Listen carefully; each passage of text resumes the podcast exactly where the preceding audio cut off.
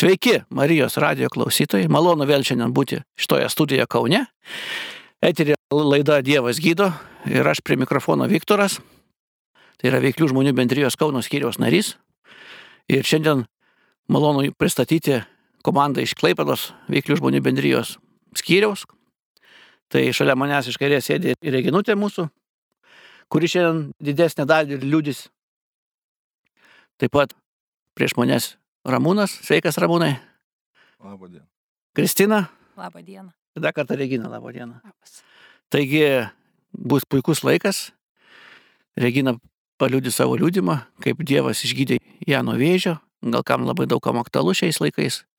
Nes iš tikrųjų, jeigu žiūrint statistiką, aišku, aš jos nežinau, bet kažkada čia domėjausi statistiką, tai turbūt, jeigu nesimeluosiu, kas aštuntas Lietuvos gyventojas ar kas penktas turi, bent jau turi vėžio lastelių, nu, vėžio susirgymą, vėžio lygą.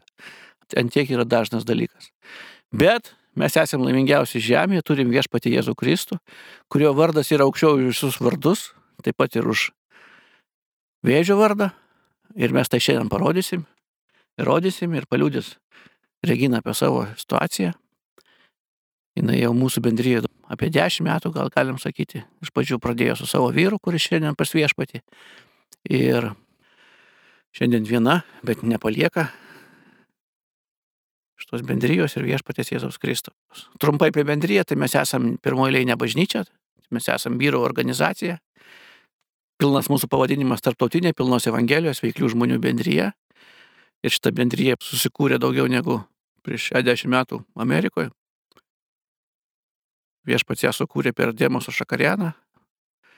Armėnų kilmės amerikietį, ūkininką, kuris pastebėjo, kad bažnyčiose labai mažai vyrų, nors Armenijoje atvirkščiai vyrų labai daug, o Amerikoje tik kas dešimtas vyras, moteris, vaikai, močiutė, seneliai. Ir jam rūpėjo tas klausimas, kodėl vyrai neina į bažnyčią, kodėl jie skaito tai silpnųjų reikalų, jam labai skaudėjo dėl to širdis, nes jis puikiai žinojo, ką Dievas gali padėti vyrui savo šeimoje, tai yra gydyti ligonius, padeda versle ir taip toliau ir taip toliau. Ir jam tai buvo tiesiog gyvenimo klausimas viešpačiu. Jisai organizuodavo palapinės, bet vieną dieną gavo atsakymą ir Dievas parodė, ką ateityje matys, parodė šitos bendrijos ateitį, kad milijonai vyrų visam pasaulyje buvę dvasiškai mirę, dabar iškėlė rankas į dangų šlovino viešpatį. Jie buvo vieni laimingiausių žemėje žmonių. Ir mes turime savo knygutę, kuri ir vadinasi laimingiausi žemėje žmonės, kurią galite rasti mūsų skyriuose, mūsų susirinkimuose, bet taip pat galite rasti ir internetinę versiją mūsų puslapyje vzb.lk, veiklių žmonių bendryje.lt. Daugiau nesiplėsiu, jūs visą laiką apie mus galite rasti mūsų puslapyje, mūsų renginyje, mūsų internetinėje svetainėje, taip pat mūsų YouTube kanale. Ir apie tai yra prašyta. Taip pat aš pristatysiu renginius turbūt vėliau, nors gal ir dabar, nes liūdimas nusimato netrumpas. Taigi artimiausia mūsų renginys bus Kaune 26 dieną, 26 kestutio 86 restorane Bokštas. Taigi Visi laukime susitinkant. Taip pat vasario 25 dieną Šiauliuose šeštadienį 15 val. Kaip sakiau, 26 Kaune. Ir turbūt šį savaitgalį viskas. Čia kažkas man mini Klaipėdai, Klaipėdai bus tik kovo 19, labai toli. Taigi pakartosiu mūsų banketai. Bus ateinantį sekmadienį, tai yra vasario 26 dieną Kaune 17 val. ir vasario 25 15 val. Šiauliuose. Apie kitus renginius galite rasti mūsų svetainėje važabu.lt. Taigi tiek. Ką mes veikime bendryjoje, tai mes liūdėjame savo gyvenimo istorijas, pasakojame, kokie mes buvome prieš tai, kol dar neturėjome viešpatės gyvenime ir kokie mes tapome po viešpatės prieimimo į mūsų gyvenimą, kai tapom krikščionis. Papasakojam tai, kas mūsų gyvenime atsitiko, kaip mūsų viešpats pakeitė tam, kad jūs atsirastų jums tikėjimo ir vilties, kad ir jums su jumis gali tai įvykti. Visą laiką laidos gale mes melžiamės už poreikius, ir melžiamės atgailos maldą, per kurią mes tikime viešpats ateina į mūsų gyvenimus, į mūsų širdis ir keičia mūsų jos gyvenimus. Ir jeigu jau mum pakeitė, tai ir jum nėra negalimų dalykų. Taigi būkite iki pat radio laidos galo ir būkite palaiminti. Tai atiduodu mikrofoną Reginai, kuri papasako savo istoriją ir pristatys. Prašau, Regina. Gyvenimo jūroje esu tik lašelis, mažutės miltelė esu, bet radusi tiesų gyvenimo kelią, neblėstančią viltį nešu. Nešu savo skausmą, kančias, praradimą ir meilės liepsnelę drauge. Tikėjimo džiaugsmo, taip pravų dvilikimą, lyg spindulis stiklo dėlne. Žinau, kad išeisiu ir niekad tie grįšiu, nevaikščiosiu žemės plota. Giesmių negėdosiu, eilių neskaitysiu, išnyksiu lik jūros puta. Ir žvaigždė Edeno sode suspindėjus, pakilsiu lengvų keliu, sušuksiu, o Kristau, tave aš mylėjau, sekiau tavo mokslo taku malonės karaliau, žinau, kad atleisi, nes tu visagalis esi. Jam žina puotai eiti man leisi, kad būčiau lyg saulė šviesi. Taip. Dabar gimiau aš katalikų šeimoje. Mano vardas Regina, kaip jau pasakė. Ir dariau viską, ką buvau pamokyta, tėvelių, lankiau bažnyčią. Tuo metu buvo mūsų kunigas Mocius Algirdas. Jis buvo nuostabus kunigas, jis buvo pasišventęs. Tie gerų dalykų iki šiol prisimenu aš apie jį. Tuo metu būdavo rengiami Velyknakčiai, per naktį būdavom bažnyčioj, klausydamos pamokslo, žygiavom į Šiluvą grupė žmonių, prie kryžiaus sustodami maldai. O buvo 30 km nuo mūsų miestelio iki Šilovos. Taigi, aš tai buvau įsitikinus, kad viešpats tikrai yra. Tuo momentu aš tam kunigui pasakiau, aš norėčiau būti vienuolė. Bet kunigas pasakė man, Regina, dabar tokie laikai, viskas uždaryta, nėra tokių dalykų kaip vienuolynai. Nu, gal sako paslapty kažkur. Jis po to pasimeldė už mane, uždėjęs rankas ir sako, tokia malda, sako, retai kam aš meldžiuos taip, kaip tau. Taip ir praėjo, nepraėjo daug laiko, kai tą mūsų kunigą areštavo, išvežė jau antrą kartą į Sibirą. Pasiliko mes vieni bažnyčioj, išdilo mūsų Velyknakčiai, išdilo mūsų susitikimai. Atlikdavom tik tai tai, kad sekmadienį priklauso, dienom bažnyčia būdavo užrakinta. Jaunimas išgeso, nebeliko, vien senukai tik ateidavo į bažnyčią. Taigi, po to atėjo man jaunystės metai, šešiolika. Ir taip, niekom nepaskatinta, nugrimzdau į tą jaunimo grupės, į to šokius visus. Ir viskas buvo kaip ir užmiršta. Mano visas noras būti vienuolė, visas tikėjimas paskendo kažkur tai. Taigi, man buvo 20 metų, mano pusbrolis atvežė į tėviškę pas manęs tokį vyriškį, septyniais metais už mane vyresnį. Ir pasisiūlė, kad jisai norėtų žmonas paimti. Aš dar kiek susviravau, bet mano tėvukai man patarė. Sako, ką tu galvoji, mieste toks vyras, darbą turi viską, ką tu dar iš kaimo mergina čia dabar dar ieškosi.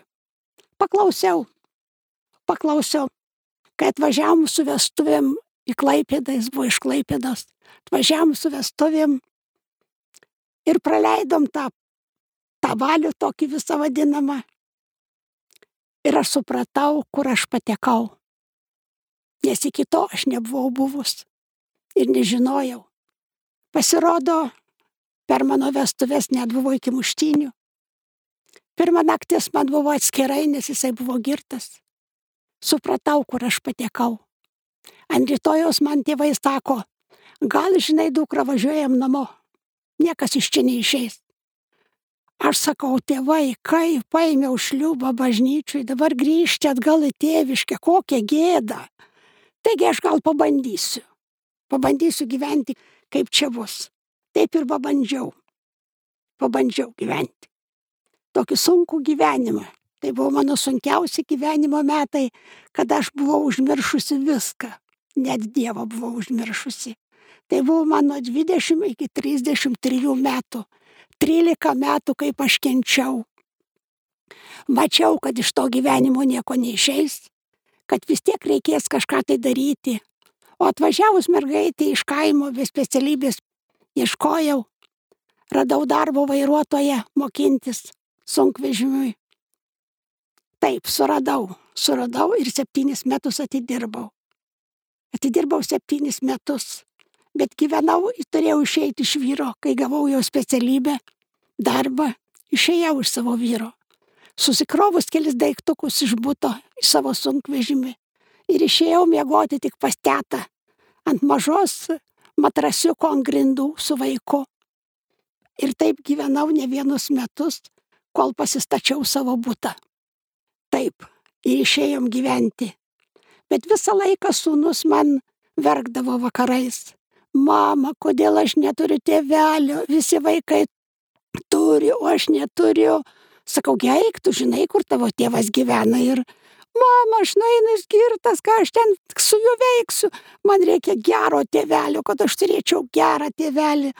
Tai aš jam visko, ko neprižadėjau, tik tai, kad aš koterantą paimsim į savo būtą, jis tau bus pagalbininkas, draugas bus. Jis vis klausdavo, mama, ar tai tiesa, mama, ar tai tiesa. Taigi, praėjo tas laikas, jau pagerėjo tas mano gyvenimas truputį, pinigėliai buvo jau surinkti, kiek reikės už kooperatinį būtą įnašą įnešti. Ir man atėjo tokia mintis, o kodėl negrįžti atgal į tikėjimą? Kodėl nedaryti taip, kaip jaunystėje, ką dariau? Kodėl tada taip man nedarysti? Ir aš supratau, galvoju, nu, susiruošiau sekmadienį, eisiu į bažnytėlę, atliksiu išpažinti, kurią didžiausią klaidą padariau, vyrą palikau. Nu ir vėl įsivaizdavau, kad aš einu prie altoriaus, kad aš šventą vakarienę priimu, toks džiaugsmas man. Ir aš kaip priejau išpažinti nuodėmės, jis išklausė ir pasakė, kai tik pasakiau vyrą palikau, kunigas man pasakė, šia atleidimo tau nėra. Eisi atsivesti vyrą, arba kito kelio nėra. Nu ir ką, to padaryti aš aišku negalėjau. Taip verkdama aš išėjau, kelio nemačiau. Aš autobusu negalėjau važiuoti, kadangi žmonės pamatys, aš jau pėstite, du kilometrus pėstite verkdama, žinojau, kad mano tikėjimas pasibaigė. Taigi po to atėjo kiti laikai, aš suradau darbą kitą, taksi darbą. Sūnui jau buvo 11 metų jau buvo gerai paaugęs. Ir aš galvojau, kad tiek sūnų užauginau iki 11 metų ir toliau auginsiu aš viena. Nereikia man tų vyrų, jeigu jie tik tai tokie yra. Taigi, aš pasakiau, o Dievas pasijokė. Ir man remontuoja savo mašiną, priejo padėti vyriškis, vardu kurtas. Remontavo mano mašiną. Parėjo sūnų, sako, mama, ar tas dėdė žmona turi? Nu neturi, sakau, prieš du metus, sako, išvažiavo į Vokietiją ir sūnų įsivežė. Mama, juk jis geras tėvelis man bus. Kaip sakau tauti, mama, kodėl ne, jis labai geras man tėvelis. Kiek laiko praėjus vėl. Kur tai dėdė yra, kodėl aš jo nematau. Sakau, atostogų išėjai. Nu kaip pareis, tai tuoj pat jau vesk namo. Nu nežinau, kaip čia reikėjo sūnui neįtikėt, kad neparvest. O be to, tas vyriškis Aš turbūt mano giminės taip sakydavo, kodėl jis tave ėmė. Tu jam per prasta. Taigi, bet buvo kaip buvo. Taip ir parsivedė. Kai parsivedė mane į namus, aš į namus parsivedžiau ir pasirodo, jisai yra liuteronų tikėjimo.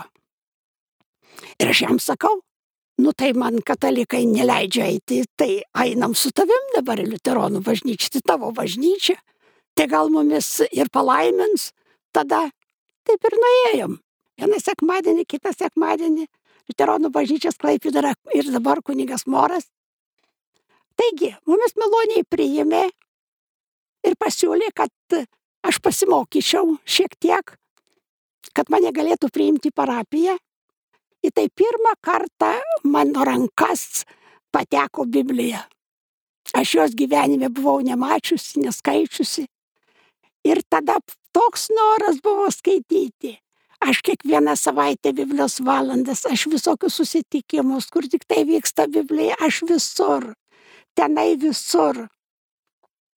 Taigi ir taip, už metų laiką buvau priimta į parapiją, jau buvau supratusi, kad to tikėjimo, kurį aš turėjau, nors skaičiau, kad jaunystės buvo labai didelis mano tikėjimas, supratau, kad tai yra per maža šito, kad reikia atgimti iš naujo.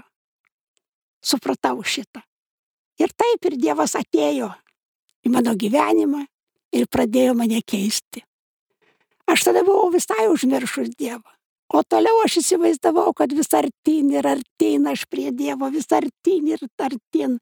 Kai jau šiek tiek pramokau Bibliją, davė didesnių darbų.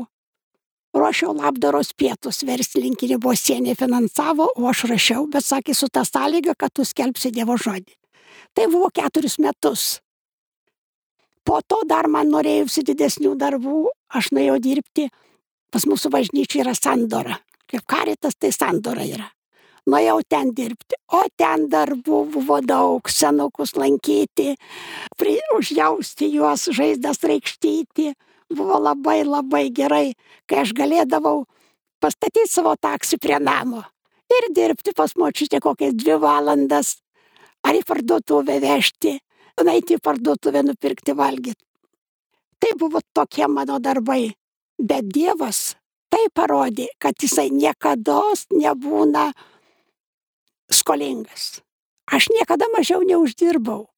Ar aš dirbau 8 valandas, ar dirbau dabar tik 6 valandas. Visada buvo planai įvykdyti. Po to man kuningas pasiūlė deklamuoti eilėraščius, kurį šiandien aš vieną jau deklamavau. Sakau, savo galvoju, kaip čia dabar, ar aš sugebėsiu tai daryti. Meldžiau, sakiau viešpatė, tu man parodyk, ar aš galiu tai daryti, ar ne. Ar čia iš tavęs, ar čia ne iš tavęs.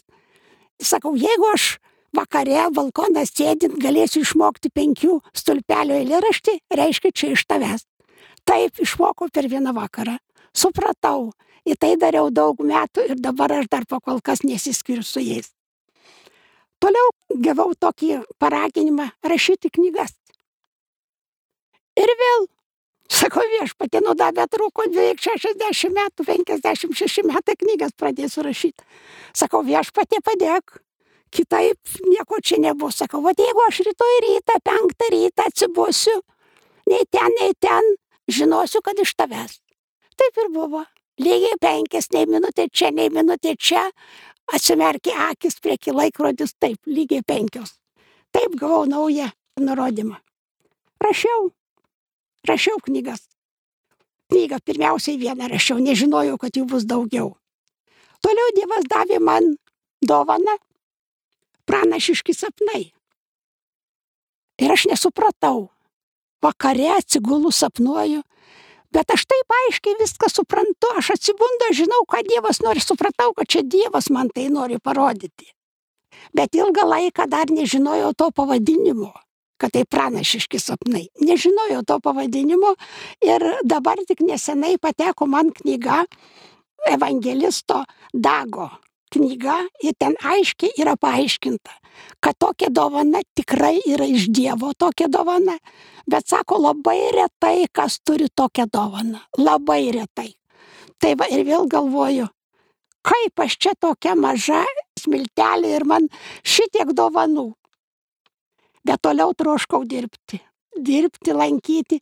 Ir tuo labiau, kai aš važiuodavau pro onkologinę ligoninę, aš visą laiką galvodavau, kaip ten užeit, kaip nors užeit ir paskelbti jiem, nu, mirtina nuodėmė, juk jie mirs, o jeigu Kristaus auką nepriemus, kaip tai bus, tai toks buvo mano didžiulis noras. Bet ten tik nunešiau knygas, mane niekas neįleido. Po to turėjau dar vieną išbandymą, tai buvo galvos trauma. Labai didelė galvos trauma buvo, aš nukritau su dviračiu į sklepą, dviratis ant manęs, tai buvo bažnyčioj, buvau be sąmonės, atvažiavo greitoji ir pasakė kunigui, čia be vilties gyventi. Nuvežėme, aš buvau reanimacijoje visą naktį, paskui parvežė, mano akių nebuvo matyti, vien tik tai guzai. Ir niekas pats gydytojas netikėjo, kad aš išgysiu. Taip, stebuklas, aš išgyjau. Ir kai po to susitiko mano pažįstama tas gydytojas klausė, sako, kaip ten ta moteris, kur taip sunkiai buvo, sako, ha, sveika laksto, jau pasenukų vėl lanko senukus. Gydytojas pasakė, kai jinai sako gyva, tai čia stebuklas, o kad apie senukų lankstimą sako, tai čia man galvoj netelpa šitas. Tai toksai buvo. Po to, kadangi aš norėjau labai dar tų darbų, išgyjus vėl noriu dirbti. Tada mane pakvietė važaba. Jo čia paaiškino, kas yra važaba. Vadovas atėjo į bažnyčią, jam kažkas pasakė, kad aš rašau knygą. Aš daviau jam paskaityti savo pirmąją knygą, jisai mane pakvietė. Sako, teik tu į banketus, tai paliūdik, tiek daug turi ką papasakot žmonėm, tai paliūdik. Tenai taip ir buvo. Kai nuėjau, taip ir palikau. Dabar jau dešimt metų. Aš esu labai laiminga. Aš tarp tokių žmonių, kurias toliau čia papasakosiu. 21 metais pradėjo silpni mano sveikata. Vis silpna ir silpna. Ir jau kai daėjo tokia stadija, kad aš jau naujus metus 21 metų negalėjau sėdimą žiūrėti, tik tai gulėjau, pasirodo, vėžys, žarnyno. Paguldė mane į ligoninę, nes jau hemoglobinas buvo tik 74 ir atrado žarnyno vėžys, dar ir susijęs žarnyno vėžys žarnyne ne tik auglys, dar ir 18 vėžinių taškų. Gydytoja pasakė, nu, žinot, toli pažengęs vėžys. Bet ir vėl, kaip aš be važybų būčiau gyvenusi. Mano grupė važinėjo pas mane į namus, kol aš buvau silpna, kol negalėjau pati susirinkimus ateiti. Jie meldėsi už mane, šlovinom, garbinom, kol aš antiek pasitaisiau, kad jau pati galėjau ateiti susirinkimus. Taip mano sveikata taisėsi, taisėsi, aš jau visiškai galvoju, kad aš visiškai sveika ir man nieko nėra, tyrimai taip pat nieko blogo man nerodė. Bet 21 metų vasarą gauti man pranešimai. Vėl iš Dievo. Pranašiški sapnai. Vyro mirtis žuvų gaudimas, o mes žinom, kas tai yra žuvų gaudimas, krikščionių, kad aš būsiu prie dangaus vartų. Taip, visi šitie mano pranešiški sapnai įsipildė. Vyras mirė tais pačiais metais, 21 rugsėjo 2 dieną, mirė nuo COVID. -o. Ir aš sirgau COVID, bet Dievas mane labai lengvai pakėlė ir aš e, tris dienas ligoninėje pagulėjau ir kadangi ligoninėse aš niekur negaliu gulėti, aš ne, negalėjau gerti vaistų jokių ir po šiai dienai aš negaliu gerti jokių vaistų. Jeigu aš tik tai vaistų išgeriu, man kraujo spaudimas būna 220 ant šimto ir reikia, turi nutraukti visus vaistus. Taip ir man nutraukė visus vaistus, patikrino kraują, matyt antikūnių daugiau kraujai Ir taip aš išgyjau. O tie pranašiški sapnai taip visi ir įsipildė. Toj ligoniniai aš sakiau, kad žuvis gaudžiau. Man buvo parodyta, kad aš prie, prie prūdo ligoninės gaudau žuvis su rankom be meškerės, bet taip gaudau, taip gerai gaudau. Taip ir buvo. Kiek aš kartų gulėjau ligoniniai, aš visą laiką nešiau lankstinukus, nešiau knygą žmonėm, kalbėjau, aiškinau, eilėraščius deklamavau, tai ir buvo didelis laikas tarpas ir dabar dar jisai tęsiasi mano žuvų gaudimas. Taigi, kur tas mirė? Bet viešpats nemirė. Viešpats gyvas ir šiandien su manim gyvas. Tik tai po vyro laidotuvės buvo trys dienos laidotuvės, sunaus uošvis mirė ir vyras mirė. Ir po trijų dienų, pareijus namo, truputį pamiegojus, vėl gavau traumą. Aš kritau be sąmonės ant grindų ir gulėjau nežinau kiek. Nes aš pati viena namuose buvau. Kai aš pabudau, aš negalėjau atsikelti. Šaukiau viešpatė gelbėk, viešpatė gelbėk. Ir aš šiaip taip atsistojau. Atsistojau, nuslinkau į vonę, paėmiau rankšluostį, uždėjau ledus ant galvos, atsiguliau į lovę ir nieko kito negalvojau, kaip tik aš mirsiu toj pat. Ir savo galvoju, kaip sunus pergyvens. Trečios laidotuvės viena po kitos. Kaip jisai galės pergyventi. Taip ir buvo. Bet ir vėl išgyjau. Nors labai sunkiai. Išgyjau, todėl kad mano buvo nuo smūgio trūkęs galva, prakirsta, srovėm kraujas bėgo ir šitas sprandos lankstelis buvo trūkęs. Baisus skausmai. Vėl paguldė į ligoninę ir vėl tris dienas vėl mane išrašė. Ir reikėjo kentėti man visą laiką be vaistų. O išgyjo tai negreitai. Dar mane bandė gydyti procedūrom, šildymais visais, viską, sportu, niekas nepadėjo. Kaip sprandas skaudėjo, taip ir skaudėjo. Aišku, šiek tiek jau mažiau, galėjau kentėti. Bet va tas pranašiškas sapnas prie dangaus vartų, šitas buvo man parodytas, kad tai bus. Tai va apie šitą aš galiu trumpiau papasakot.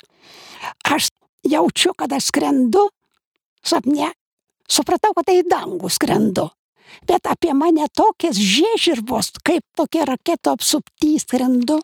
Ir taip skrendu greitai, kad atrodo, kad atrodo, kad ten su lėktuvu dar greičiau, sakau viešpatė, kaip tu toli, kad skrendam, skrendam ir galo nėra. Kai aš nuskridau iki tokios sienos kaip plytinės sienos, bet e, kai šiltnamio tokios sienos mato per tos stiklą tik tai šešėlį. Mato. Aš supratau, kad tai buvo Kristaus šešėlis. Ir kai aš pamačiau tą šešėlį, mane toj pat gražino atgal. Su tais pačiais savo fejerverkais atskridau atgal. Ir kai aš pamačiau žemės rutulį, pamačiau, aš mačiau save sėdinčią ant žemės ir kažką darančią. Reiškia, viešpas paliko dar mane kažkokiem tai darbam. Paskiau man buvo atėjęs toks momentas, kad aš galvoju, jau čia dar kažkur man reikia eiti. Dar kažkur išeiti iš liuteronų bažnyčios, dabar dar į kitą bažnyčią, gal dar daugiau bus tų man darbų. Bet vėl klausiu Dievo, ar čia iš Dievo?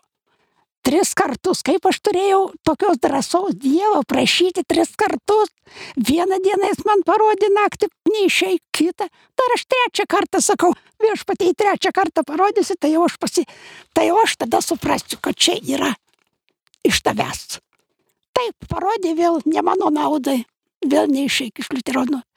Taip ir po to, tais pačiais 21 metais, vasarą man padarė tyrimą ir rado, kad auga auglys naujas.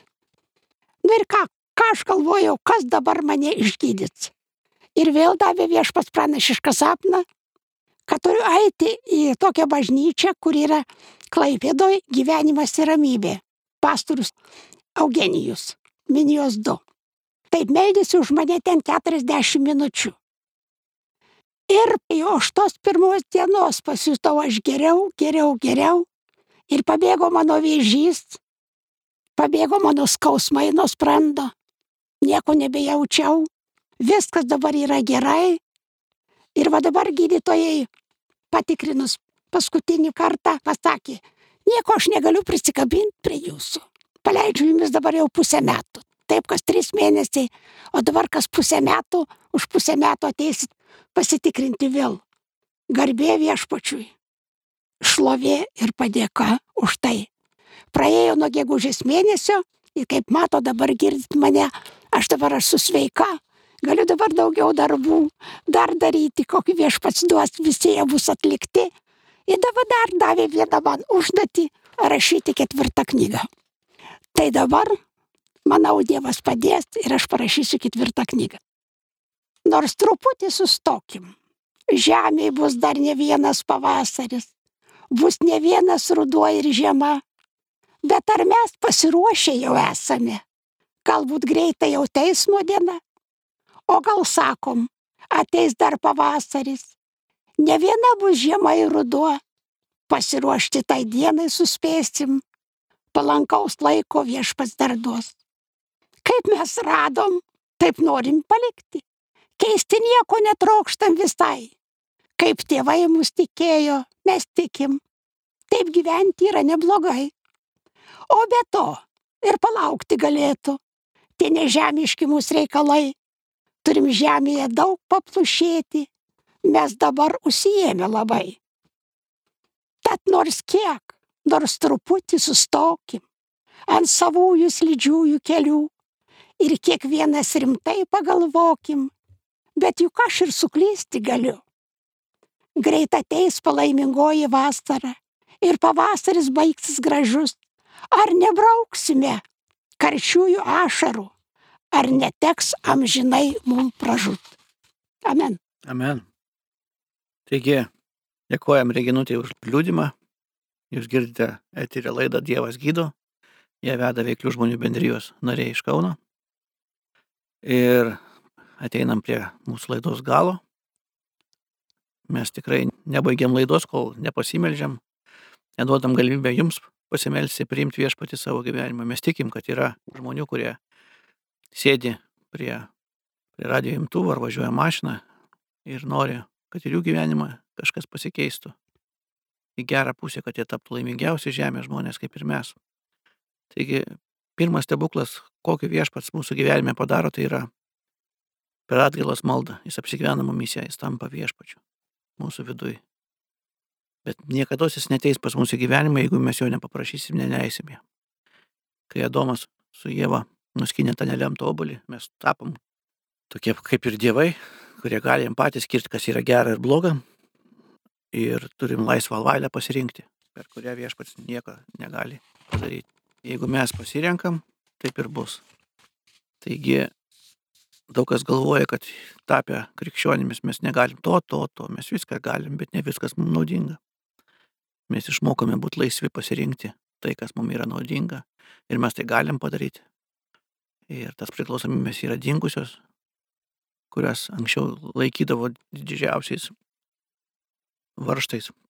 Bet Dievas mus išlaisvino nuo šito Ir tikrai, jeigu jūs norite išbandyti viešpatį, nors jisai kiekvieną kartą jūsų prašo, jisai yra gyvas, realus ir nori, kad mes jį išbandytume.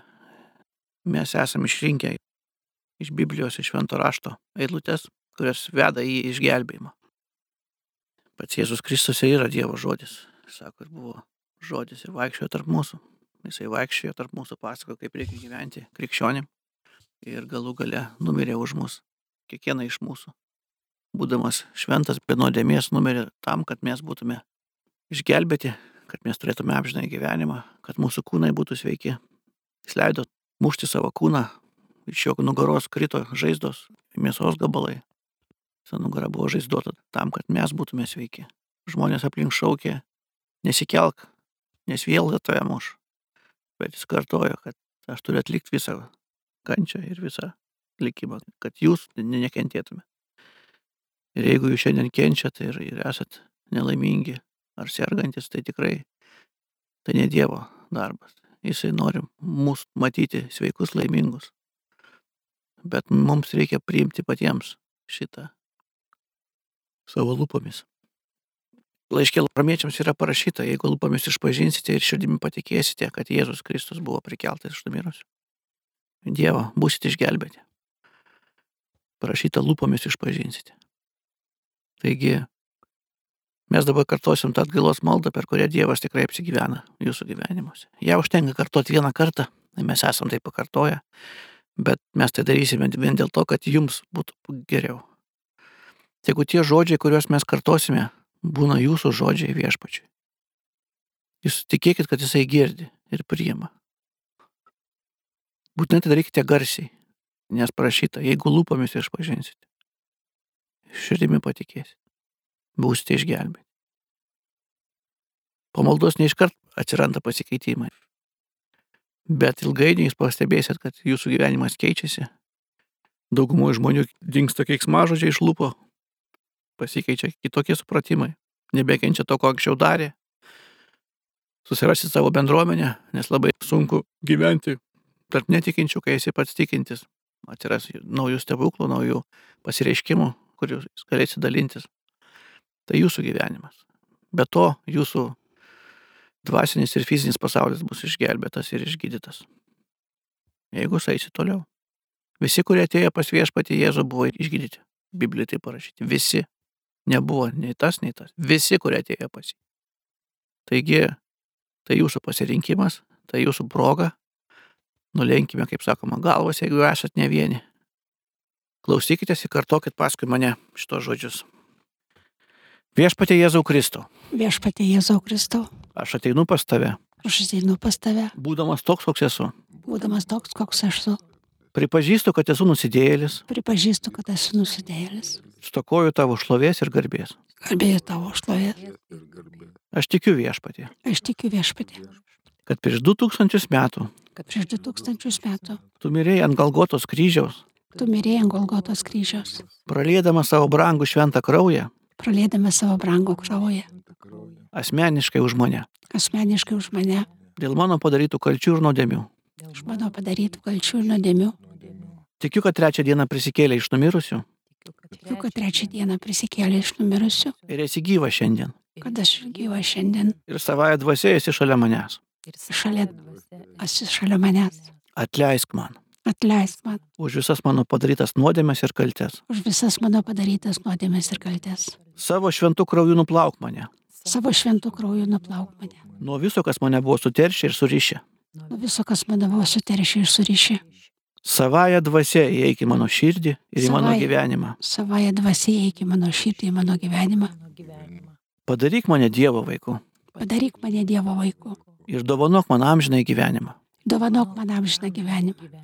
Aš priimu tave dabar Aš priimu dabar tave ir savo širdimi tikėdamas, savo širdimi tikėdama, lūpomis išpažįstu tave, lūpomis išpažįstu tave, savo sielos gelbėtoju savo Tėvo gelbėtoju ir gyvenimo viešpačiu. ir gyvenimo viešpačiu. Amen. Amen. Amen. Amen. Arba amen. Amen. Nes kas yra amen, tai yra taip, tai yra tikra, tai aš. Aš taip dar vieną sakinį galėčiau pasakyti. Prašau. Turbūt jūs supratot, kad e, gal nepakcentavau taip, kaip Dievas pakeitė mano gyvenimą. Iš to, kai aš visiškai buvau užmiršusi Dievą, ir po to, kai tapau atgimusi Dievo dukra, kai pasikeitė mano gyvenimas. Visiškai, visiškai pasikeitė. Dabar be viešpatės man nėra gyvenimo. Dabar aš kažkada tai natūralu, kad e, žmogus bijo mirties. Aš dabar nebijau mirties. Kai aš susirgau vėžiu, tai aš sakiau, viešpatė, aš pas tave, jau einu pas tave. Juk man už vis geriausiai, kaip papaštalas sakė, išeit pas tave. Už vis geriausiai. Nu, jeigu tu paliksi dar, tai dirbsi visą, ką tu man duosi. Amen. Taigi, sveikinu visus, kurie tai sukalbėjo atgailos maldą. Ir tikrai patikėkite manim, kad viešpats jumise, jeigu tą tikrai atlikote sąžiningai, tikrai viešpats jumise, tikrai jis jūsų gyvenimą keičia. Ne viskas iškart matoma, bet ilgainiui tas, kas nematoma, tampa matoma, bet esmė jūsų tikėjime. Patikėkit, kad yra tiesa. Kaip aš minėjau, Biblijoje parašyta, kad Jėzaus žaizdomis jūs esate išgydyti.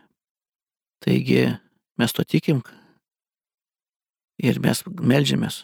Sako, jei tikės, ties rankas ant ligonių ir šitie pasveiks. Taip pat mes tikim, kad Dievas gali paliesti jūs ir per Marijos radio eterį, per radio eterį, nes Dievo dvasia yra visur, ne tik tai čia ir prie jūsų. Taigi, jeigu jums tikrai kažkas skauda, ar spaudžia, ar, depresija, ar vėžys, viešpačių nėra negalimų dalykų. Jo vardas yra aukščiau už visus vardus, už vėžio vardą, už depresijos vardą, už bet kokios lygos vardą. Jūs patikėkite ir priimkite. Kaip viešpats klausė tos moteriškės, ar tu tiki, kad bus išgydyta? Taip tikiu. Taigi, tegu tavo tikėjimas jūs išgelbėja dabar. Patikėkit, kad jūs dabar viešpats palies ir išgydys. Tiesiog dabar. Neįsigaskite, jeigu to neįvyks, o dėkokite ir tie pasikeitimai įvyks. Jei ne ir to ryte, tai po savaitės, po dviejų. Nes stebuklas, kai įvyksta iškart išgyjimas. Bet kai išgyjimas ateina po tam tikro laiko, jūs nepraveskit vilties ir jūsų tikėjimas padarys stebuklus. Nesubejokit tuo, ką jis priėmė. Nes Petras eidamas pamatė, kad žmogui užtenka tikėjimo ir pasimėlė, nieko mes neturim, bet kad galim, ką turim, tą duosim. Taigi Dievo dvasia gyvena mumise, Dievo gyvybės šaltinis teka per mus ir palies jūs dabar, tiesiog dabar. Uždėkit rankas ant skaudamos vietos, ar ant galvos, ar ant kurtinės, ar tai, kur jums atrodo. Tiesiog dabar užsimerkit, nesimelskite ir mes pasimelsim už jūs. Mes kreipsimės ne jūs, bet jūsų kūnus. Nes ta jėga, kurią viešpats mums davė, yra didelė jėga, skirta jūsų kūnams, jūsų gyvenimui. Viešpatė Jėzau Kristų, tiesiog dabar, tiesiog dabar. Kūnai, būkite išgydyti. Pilnai. Jėzaus Kristaus vardu. Nuo kojų pirštų iki pakaušio viršūnės. Tiesiog dabar Dievo dvasia ir Dievo jėga teka per jūsų kūnus ir atstato kiekvieną lastelę, kiekvieną kūno dalelę. Ir viskas vyksta pas jūs dabar harmoningai. Jėzaus Kristaus vardu. Negalios dvasia laukia šito kūno tiesiog dabar. Palieki šitos kūnus, nes jie yra nupirkti brangiu Jėzaus Kristaus krauju. Tik būna išlaisvintas. Kiekviena lastelė, kiekvienas kūnas, tiesiog stuburai tiesiog dabar atsistato, išvaržos dinksta ir grįžta į savo padėtis, bet kokios lyga išeina. Jėzaus vardu aš prakeikiu bet kokią vėžio lastelę jūsų kūnuose. Tiesiog dabar. Kaip Jėzus prakeikė tą figbenį iš suvyto, taip ir tu vėžį dabar tiesiog išnyksti ir išsuvysti. Ir išnyksti ir ištirpsti šituose žmonių kūnuose. Jėzaus Kristos vardu. Amen. Amen. Jeigu kažkas laikė, turėjo skausmą, pabandykit, patikrinkit, ar tas skausmas nedingo. Pamatykit, pažiūrėkit. Pamatysit, kad išgyjimas ateina tą momentą, kai tik tai jūs pradedat tikėjimą patikrinat tą dalyką. Neveltui Jėzus sakė, kelkis, pasimk neštuvus ir neškis. Arba patepė nematančiam akis purvu ir sakė, nu, eik, nusiprausk akis ir būsi išgydytas. Žodžiu, jeigu jūs tikit, darot. Tikėjimas be darbų yra miręs. Ir aš dėkoju viešpačiu už jūsų išgydytus kūnus, už išgydytus gyvenimus, pakeistus gyvenimus. Ir laukiam jūsų skambučių, laukiam jūsų žinučių, laukiam jūsų mūsų renginiuose, kuriuose mes tikrai galėsim pabendrauti, dar daugiau paliūdyti, dėti rankas ant ligonių ir jie išgys. Atsiveskite savo artimuosius. Tiesiog dabar aš leisiu kiekvienam iš esančių klaipėdiečių dar pasimelsti už jūs, ką viešpats jums davęs ir mes šią laidą baigsime. Prašau, Greginutė. Garbė viešpatė tavo šlovė ir padėka už šitas minutės praleistas viešpatė tavo artybei.